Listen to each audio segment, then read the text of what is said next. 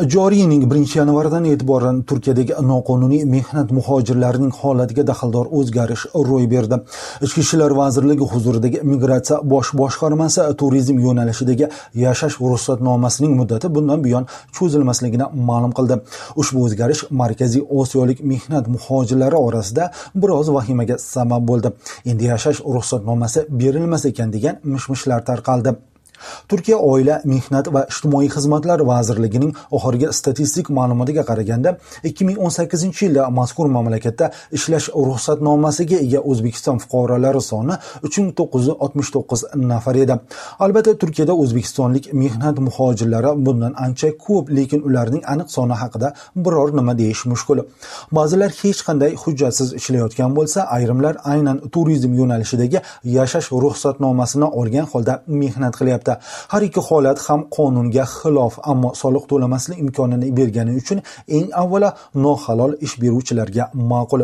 Turk rasmiylari joriy yil boshida kuchga kirgan o'zgarishdan maqsad aynan noqonuniy mehnat muhojirligiga qarshi kurashish ekanini aytmoqda. Ayni paytda chet ellikni hech qanday hujjatsiz ishga olgan ish beruvchiga solinadigan jarima miqdori yigirma ikki yarim foiz oshirilib o'n ming sakkiz yuz o'n ikki lira taxminan bir ming sakkiz yuz aqsh dollari etib belgilandi. Bundan tashqari noqonuniy mehnat muhojirini deportatsiya qilish xarajatlari uni ishga olgan ish beruvchining zimmasida. Amerika ovozi turkiyada yashash ruxsatnomalarini olish bilan bog'liq vaziyatni o'rganish maqsadida istanbuldagi maslahat xizmati ko'rsatuvchi bir qator firmalar bilan bog'landi. Firmalar vakillarining aytishicha rivojlanayotgan davlatlar fuqarolariga turizm yo'nalishidagi ruxsatnomaning muddati chindan ham uzaytirilmayapti. Ammo bunday ruxsatnoma uchun ilk bor murojaat qilayotganlarga hech qanday muammo yo'q o'zbekistonliklar shirkat deb ataydigan bu firmalar turizm yo'nalishidagi yashash ruxsatnomasining muddati tugaganlarga boshqa turdagi yashash ruxsatnomasi olib berishga ko'mak ko'rsatishni aytmoqda. Ularning xizmat haqi o'rtacha ikki ming ikki yarim ming lira taxminan uch yuz qirq to'rt yuz yigirma aqsh dollari atrofida. Turk tilini bilmaydigan yoki hujjat ishlarini yaxshi tushunmaydigan o'zbekistonliklar aynan shunday firmalarga murojaat etadi. Uch yildan beri istanbulda ofitsiantlik qilayotgan namanganlik nuriddin azimov yurtdoshlarini hushyorlikka chaqirdi. Qop qop va'da beruvchi ba'zi shirkatlar mijozni chuv tushirishi ham mumkin.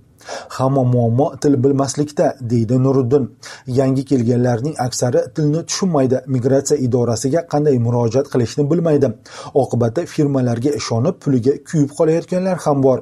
Turkchani biladiganlar migratsiya idorasiga bevosita o'zi murojaat qilsa bo'ladi. Nuriddinning aytishiga qaraganda har zamonda bo'ladigan reydlarni hisobga olmaganda o'zbekistonliklar turkiyada bemalol ishlab yuribdi. O'zbeklarni mehnatsevar xalq deb bilishadi chunki biz mahalliy odamlarga o'xshab ish tanlab o'tirmaymiz deydi u. Ijtimoiy tarmoqlarda turkiyada ishlayotgan muhojirlar orasida ish haqini ololmaganlar haqidagi xabarlarni uchratish mumkin. Nuriddin esa bunday holatga duch kelmagan. Atrof atrofimda bunaqa bu narsa bo'lganini eshitmadim ko'rmadim yoki biror kimni pulini ololmay qolib ketganini. Misol uchun ish ish beruvchilarni yuzda to'qson yuzda to'qson besh foizi mamnun. O'zbeklar yaxshi ishlaydi o'zbeklar ishiga sodiq.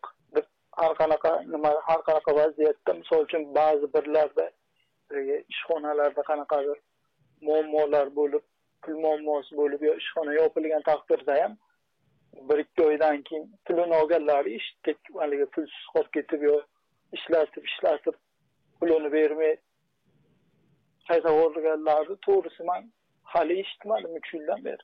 Nuriddin azimov muhojirlar qonuniy ishga joylashish uchun davlat tomonidan yordam ko'rsatilsa yaxshi bo'lardi degan fikrni bildirdi rossiyada mehnat muhojirlari huquqlarini himoya qilish bilan shug'ullanib kelayotgan o'zbekistonlik yurist migrant mobi portali asoschisi botirjon shermuhammad ham davlat mehnat muhojirlarini qo'llab quvvatlashi kerakligini aytadi.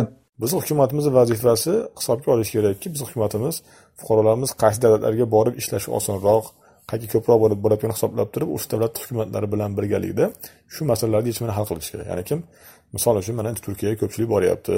Rossiya bilan qozog'istondan farqli o'laroq e, turkiyada e, qonunchilik bor.